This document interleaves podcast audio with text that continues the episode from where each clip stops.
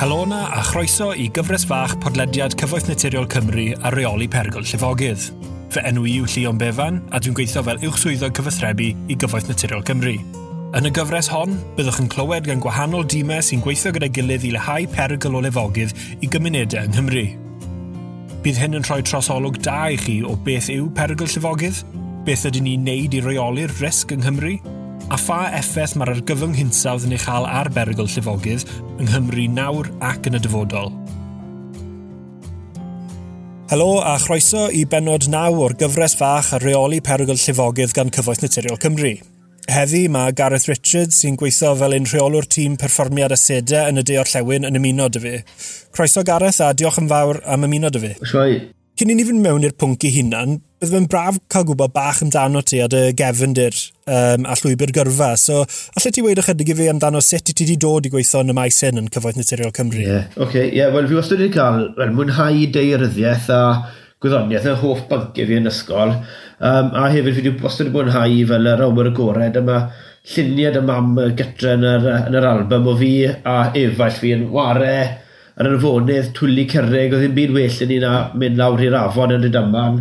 Um, gêm ni oedd gosod uh, can, oedd botel pop a'r carreg a wedyn twli cyrreg wedyn, ni'n gweld pwy oedd gallu taro'r uh, tarfo adeiladu uh, llongau bach hefyd yn ei wneud. So ni wastad gyda ni diddordeb twod, yn yr awyr gored a hefyd gyda afonydd. So ar ôl um, wneud cwblau lefel A yn ysgol, ni wedi gwneud deiryddiaeth a bioleg y cemeg, o'n i wedi mynd i astudio deiryddiaeth ffysegol wedyn lan yn Aberystwyth.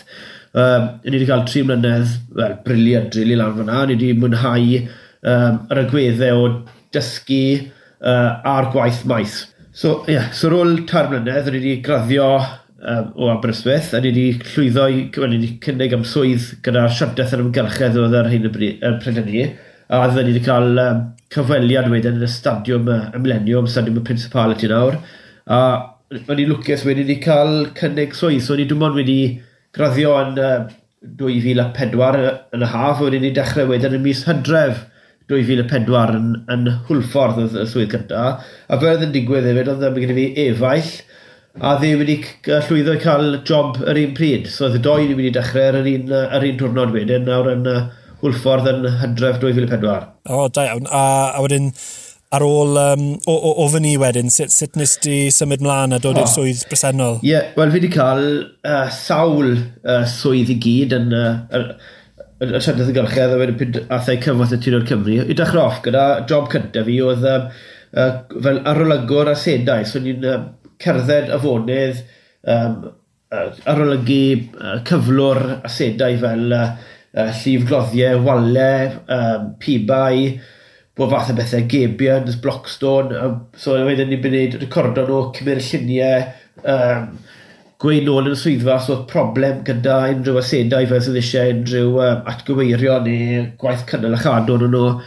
Um, so ni, well, ni mwynhau y swydd na, ni mas, bo, well, mas yn bob tywydd a hefyd yn bob cwtio cornel o, o Gymru. Oedden, oedden, cael amser da nid hwnna. Wedyn, ni'n neud lot o bach, wedyn ni gysi dyrchafiad wedyn ni, wedyn ni'n fel, fel peiriannydd uh, yn rheoli y sedau.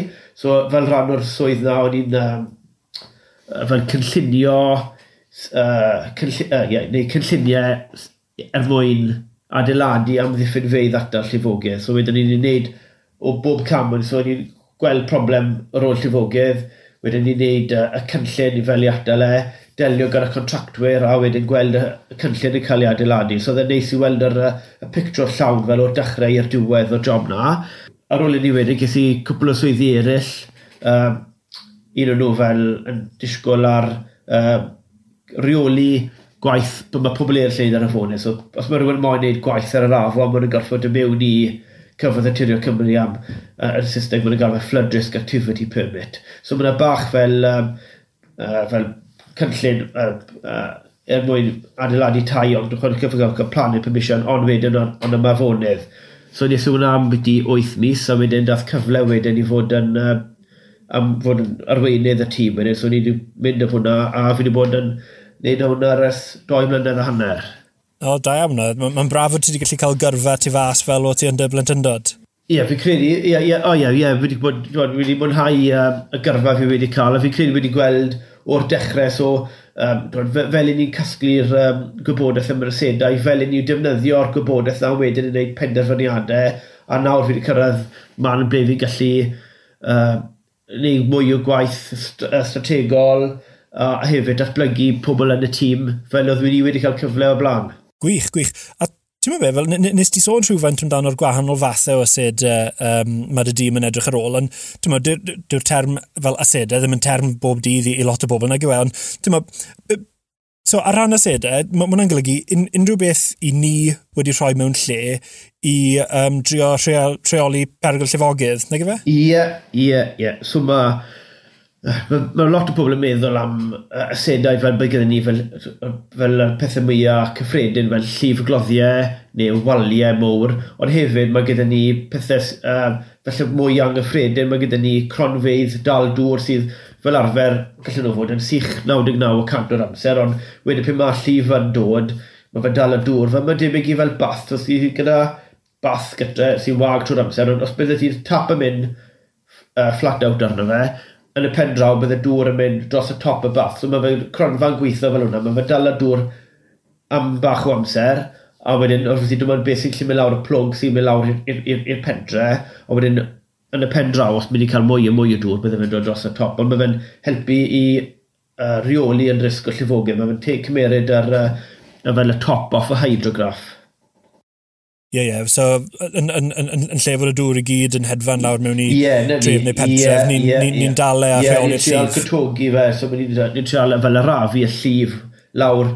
So, rheoli'r uh, dŵr lan top yr, yr, yr, y dyffryn e, er mwyn y lletach a bod y gyd yn mynd lawr yr un y mor gloi wedyn i'r trefi a'r dynasoedd. Ie, yeah, so mae gyda ni, a mae gyd o'r asedau yn gweithio gyda'i gilydd. Mae bach fel, fel, fel traed, really. Twa, mae, mae gyda ni cynllun llifogydd, mae'n dwi'n mor grif ar, ar, ar, ar, ar, ar, ar link a gwan, really. So, pointless i ni cael sgîm uh, cynllun da llifogydd briliant, ond mae gyda ni twa, gap yn y canol neu gap ar tre pen y diwedd, mae dŵr yn gallu mynd rownd, mae dŵr wastad yn ffindo, uh, ffindo ffordd mannau, mannau gwan, so mae ni'n trial ni'n siŵr wedyn bod y mannau gwan a bod, bod dim mannau gwan gyda ni mewn cylluniau ni. A gyda'r asedau yma wedyn, sut, ydyn ni yn ei defnyddio nhw? Mae nhw fel arfer yn, yn wedi cael ei adladu a ni'n um, arolygu nhw. So mae gyda ni'n arolygwyr yn mynd mas, fel ni arfer mynd mas blynyddoedd yn ôl, uh, checo nhw i wneud siŵr bod nhw'n mewn cyflwr da. Mae gyda ni fel um, gradd i ddefnyddio o cyflwr i, arbennig o dda i, i gwael pimp. So ni, mae, pawb, mae bob aset yn cael, uh, yn cael cyflwr wedi rhoi fe, a ni'n recordo hwnna mewn y bas ddata. So mae lot o'r gwaith i ni'n ei wedyn yn, yn disgwyl ar y bas ddata, pwy asedau sy'n mynd cyflwr sydd angen bach o uh, atgyweirio neu gwaith cynnal a chadw, a wedyn ni siarad gyda'r tîm uh, uh, arall yn y swyddfa flaen yn Crossans, uh, nhw sy'n nhw sy'n neud y gwaith cynnal a chadw. Ni hefyd wedyn yn disgwyl ar uh, llefydd ble gallen ni uh, gwella ein uh, cynlluniau neu amddiffyn ffeidd ac a llifogydd neu hefyd disgwyl ar cymunedau ar hyn o bryd sydd ddim gyda uh, unrhyw uh, asedau sydd ymddiffyn o'r llifogydd i weld mae gyda ni opsiynau er mwyn adeiladu rai. Yr un o'r um, challenges sydd gyda ni yw mae lot o'r opsiynau rwydd wedi wneud. Mae'r lot o'r walydd, um, llif gloddiad, mae mewn dynasoedd a pentrefi mawr wedi cael ei adeiladu, a wedyn falle mae pocedau o cymunedau ar ôl sydd heb cael ei ymddiffyn feidd. So mae gen i ni ffindo opsiynau sy'n uh, sy cost-effective, really, de, er mwyn gallu ogi bod ni'n gallu amddiffyn mwy o bobl, ond na'r challenge yw ffindo opsiynau sydd yn gweithio, ond hefyd ddim yn uh, cynnyddu risg o llyfogydd i cymunedau sydd lawr yr afon. So, os ni'n adladu wal mynd i pentre gyda ar y, yn, y dyffryn tywi, wel mae'r dŵr na wedyn yn mynd i fynd lawr dyffryn yn gynt a gyda potensial i cynnyddu risg llifogydd, y pentrefi aras i lawr. So ni'n trial yn siŵr os ni yn neud cynllun atal llifogydd, bod e ddim yn arwain at cynnydd mewn uh, risg llifogydd i cymunedau eraill. Gret, a o ti'n sôn amdano tymor y gwaith cynnal a chadw, mae fe'n um, allai ddechmygu mwna'r fath o beth i chi wneud boed fod e'n bwrw glaw neu'n heilog. Mae'n rhywbeth sy'n mynd yn barhaus, ydy? E? Ydy, ydy, ydy, ydy. So mae, well, mae'n ma lot o fe yn dibynnu beth yw'r um, asedau syni. So mae rai nhw mwy, uh, mwy pwysig neu eraill, yn enwedig y cronfeidd dŵr. Cyn mae gyda ni uh, legislation really, yn gweud bod ni'n gorfod cynnal hwnna, wel, ie, yeah, cynnal hwnna chadw hwnna i well cyflwr cos oherwydd y risg sydd yn glwma fe. Ie, yeah, ond mae gyda ni mae'r tîm yn ni'n mynd mas yn bob tywydd i, well, i cynnal y chadw a sedau, um, disgwyl ar ôl y, y, y pibau, uh, torri gwair, ie, yna fath, fath o beth i. lic, ti'n mynd tynnu mas uh, fel twyd, cod sydd wedi cwmpo a hefyd unrhyw uh, fel blockages o flan y trash screens ni hefyd. A uh, ni, ni wedi sôn tipyn am uh, ased uh, sydd sy'n golygu tipyn o goncrit neu tipyn o adeiladu a pethau fel ni, ond Dwi'n iawn i feddwl bod ni hefyd yn edrych ar um, asedau sydd, sydd yn fwy naturiol a, a sydd uh, ddim yn golygu cymaint o adeiladu yn y ffordd traddodiadol falle? Ie, yeah, byd ni'n cael cyfle i defnyddio'r mesuriadau mwy naturiol uh, gyda cynlluniau mwy traddodiadol o'r walydd ar y llifgloddiau, ni yn neud hynny. Um, ni wedi bod yn neud uh, bach o gwaith leaky dams ble ni'n gosod cod neu brwyn yn yr afon er mwyn arafu y llif yr afon y dala dŵr nôl ni yn defnyddio hynny. A ar un y bryd er ar nawr mae'n cael fwy o fwy o wybodaeth pe mae'r ein yn cael ei dod i mewn a gobeithio yn y dyfodol bydd mwy o gyfle dyn ni i, i, i wneud fwy o waith hyn cos mae fe yn gwneud gwaniaeth ond ar hyn y bryd mae ni mae gen y gwyddoniaeth a'r gwybodaeth yn ni er mwyn uh, wneud uh, fel casp busnes er mwyn esbonio i pobl, o, oh, mae'r gwaith hyn yn mynd i lleihau y, y risg o llifogydd. Cos mae ma fi y pobl, uh, cymunedau, maen nhw'n ma nhw, nhw moyn gweld rhywbeth weladwy, maen nhw moyn gweld y walydd neu'r llif gloddiau yn cael ei gosod yn edrych am bod ni'n neud y gwaith mwy uh, naturiol hyn. So mae eisiau bach o gwaith, fel gweud, cysgu a hefyd gwaith newid meddylfryd yr, uh, uh, be mae pobl yn meddwl amdano nhw hefyd. So ar, ar ran y gwaith na le o ti'n gweud um, chi'n rhoi cod a pethau fel ni yn yr afon, yeah. mae ma hwnna'n gweithio mewn ffordd eitha tebyg i'r cronfeidd mwy confensiynol uh, mewn gwirionedd ydy e, le ma, os, yeah. ma, os oes mwy o ddŵr yn dod, mae fe'n yeah, ma fe dal y dŵr dal, dal mewn rhywle mwy diogel. Ie, yeah, mae fe'n dal y dŵr lan yn y dyffryn fydd, yn lan top yn y dyffryn, yn edrych na bod e'n gyd yn rithro lawr i gwylod yr afon. Um, mae'r cronfeidd wedi cael mwy perianneg yn glwm nhw, so wedi gwybod mhm. y gwmwth uh, faint o llif bydd yn y trwyddo'r piben, trobyn gwahanol, uh, digwyddiadau fel twod, so, un, un, un bob cant blynedd, un bob mil blynedd, i gwybod faint. So mae bach o mwy o hit and miss really gyda'r uh, pethau mwy naturiol a os ti'n cael llif mawr yn mwy tebygol byddai'r Dwi'n y, y Leaky Damsin, y, y Cod a'r Prwyn Afon, bydde dŵr jyst yn golchi dros top nhw anyway. So maen nhw'n nhw cael lot o effaith ar yr uh, llifogydd llai o seis, ond mae fel, fel i'n gweud gyda fach, fel mae eisiau mwy o gwybodaeth yn ni a data er mwyn bod ni'n gwybod beth yw uh, faint o effaith maen nhw'n cael mewn, mewn digwyddiadau fwy o faint, oherwydd bod, ar, bod, bod fath hyn o asedau yn, yn, yn eitha newydd fe. Ie, yeah, ie, yeah, gwych. A um, o'n i jyst yn meddwl, tyma, ni wedi siarad yn gyffredinol am y gwahanol asedau a pethau fel ni. Os da ti unrhyw enghraifft, tyma, rhywbeth eitha uh, diweddar falle o, o pryd mae un o'n asedau ni sydd yn, tyma, yn gorwedd yn dawel lot o'r amser wedi, wedi gweithio a tyma wedi um, lleihau y risg i, i gymunedau? Ie, yeah, ie. Yeah. Wel, yn uh, 2019 wedi uh, cwblhau cronfa ddŵr uwchlan pentref uh, Ponderddulais a gym hwnna'n ymddiffyn uh, 224 uh, tŷ a 22 busnes o llifogydd. So, oedd yn costi 6.1 miliwn sy'n swnio'n lot o arian, ond oedd ddim gyda ni lle uh, er mwyn adeiladu twod, uh, yr ymddiffyn ymddifrifwydd mwy traddodiadol o walydd yn y, yn y pentref oherwydd bod y, bod y tai reit ar yr afon. So mae fe'n uh, gweithio mae'r cronfa nes, mae fe'n dŵr yn dymewn, sydd dwi'n mae'r dŵr yn gallu mynd, dwi'n yn gallu mynd trwyddo y cylfet, neu fel piben, sy'n dim ond sy'n... sydd Nid yn gael y dŵr sy'n mynd gallu trwyddo'r cronfa sydd yn mynd gallu mynd trwyddo'r pentref y ddiogel. A felly mynd rhyw uh, dŵr sy'n fwy na hynny yn yr afon yn cael ei dal yn ôl tu ôl fel uh, llif glawdd fel embankment. Ie, mae'r uh, cronfa yn gallu dala 1,000, yeah, 170,000 cwb ciwb o dŵr, sydd un peth a 70 uh, pwllofio seis Olympic. So mae yna lot o ddŵr, uh, a hefyd mae'n ma lleihau'r perygl o llifogydd i, i uh, y pedra pan o ddilais.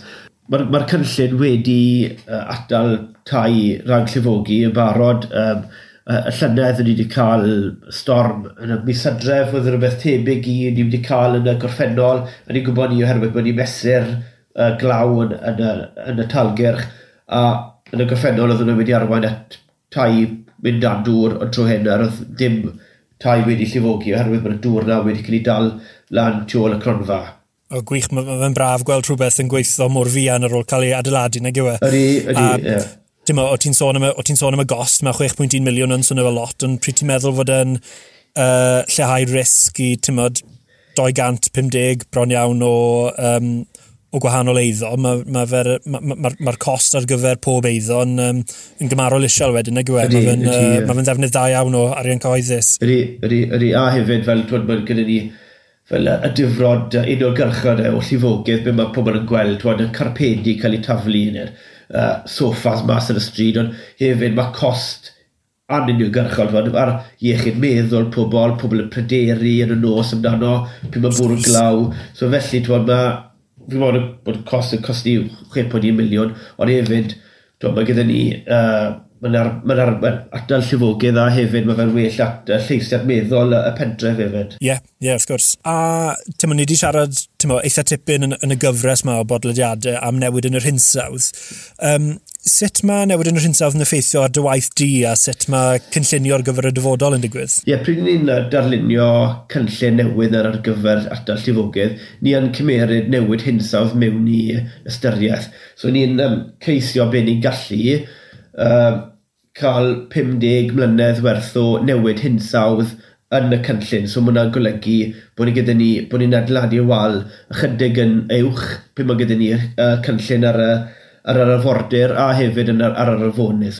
Fel mae fe'n gweithio ar arfordir yw bod ni'n ni, achwanegu at y cynllun faint ni'n meddwl bydde yr lefel môr yn codi dros y 50 mlynedd nesaf a wedyn ar yr afonydd beth ni'n defnyddio yw um, Mae'n llif, ni'n gobeithio, ni'n meddwl bod y llif afon yn, yn cynnyddu yn y, yn, yn, yn y dyfodol, so wedyn ni'n cynnyddu y llif sy'n dod lawr yr afon wrth 30 er mwyn gwybod beth yw e mewn, mewn, mewn can mlynedd. So wedyn mae'r cynllun yn gobeithio, bydde fe'n twod, yn, yn, yn para uh, digon o amser yn mwyn cael, um, cael gwerth o'r, or busoddiad ni a wneud yn yn, yn y asedau ni. So, beth sy'n digwydd pan dyn ni ddim yn gallu rhoi uh, cynllun mewn lle? Ie, yeah, yn anffodus, ni ddim yn gallu amddiffyn bobman a amddiffyn pawb.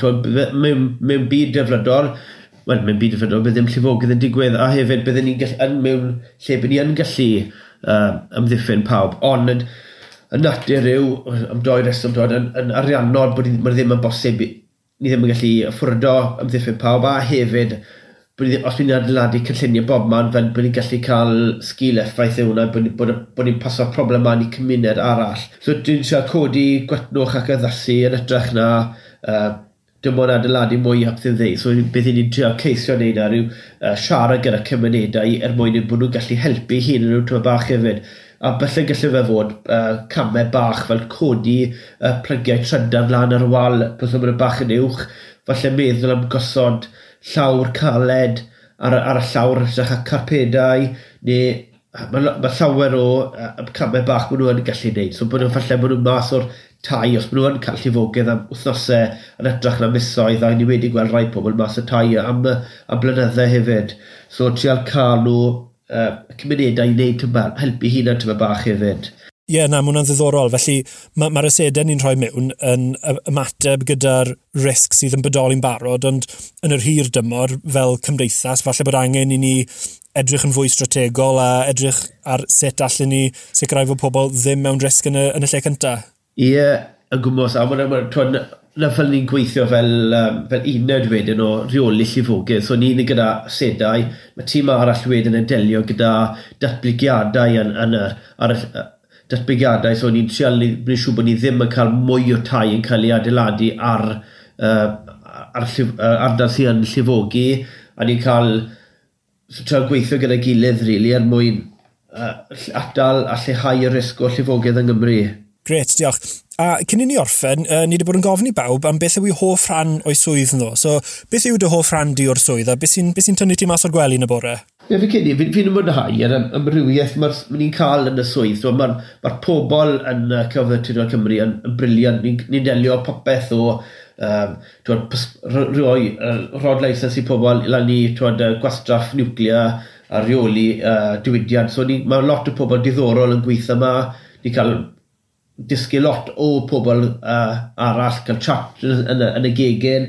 Ond fe fe'n enjoio nawr fel... Um, fi wedi dod o'r tîm yn dylan o'r, or gwylod fel fi'n betaid fel wneud yr uh, asesu asedau. So fi'n mwynhau yr unrhyw bryd ar y rôl o datblygu pobl, rhoi cyfle i nhw i, i dod mewn, i dod mewn dysgu amdano rheoli llifogydd a, a datblygu gyrfa nhw. A hefyd fi'n mwynhau uh, bod ni'n gallu gwneud gwaniaeth i pobl Cymru, bod ni'n gallu lleihau y risg o llifogydd i pobl a bod ni'n gwneud gwaniaeth i pobl yng Nghymru. Uh, Mae hwnna'n uh, tymled ffantastig bod ni yn wedi cwblhau uh, cynllun, wedi gwybod bod wedi llifogi yn y, yn y gorffennol, a nawr bod nhw'n gallu cael um, um, heddwch meddwl, really, bod, bod nhw ddim yn mynd i cael llifogydd mor wael yn y, yn y, yn y dyfodol. Ni ddim yn gallu cymryd yr risg i gyd yma, oherwydd mae bob wal i ni'n adeiladu lan i safon, ond mae wastad risg bod, bod ni'n mynd i gael llif fwy na'r dwi'n mae'r wal wedi cael ei um, cynllunio amdano. Ond na na beth yma, rili. Really. Ie, yeah, wel, a dyna'r bwriad yn y pen draw na gyfew, gwasanaethu pobl Cymru a helpu, helpu y cymunedau'n lleol. Ie. Yeah. Um, so, Diolch yn fawr Gareth am uh, rhoi'r amser i siarad gyda fi heddi. Mae wedi bod yn ddiddorol iawn i glywed am y gwaith pwysig iawn i chi wneud uh, i, i warchod uh, cymunedau yng Nghymru, ond hefyd i wneud Cymru'n fwy gwydyn uh, yn, y, yn y dyfodol. So, diolch yn fawr am siarad y fi. Oce, okay, diolch. Dwi'n gobeithio eich bod wedi mwynhau'r benod hon. Os oes gennych unrhyw sylwadau neu gwestiynau, gallwch gysylltu â ni ar Facebook, Twitter neu Instagram, neu drwy'r cyfeiriad e-bost sydd yn nodiadau'r sioe yma. Fe welwch hefyd ddoleni un tudalennau gwe a reoli pergyl llifogydd, lle gallwch weld rhai o'r pethau dyn ni wedi sôn am yma heddi. Diolch am rando.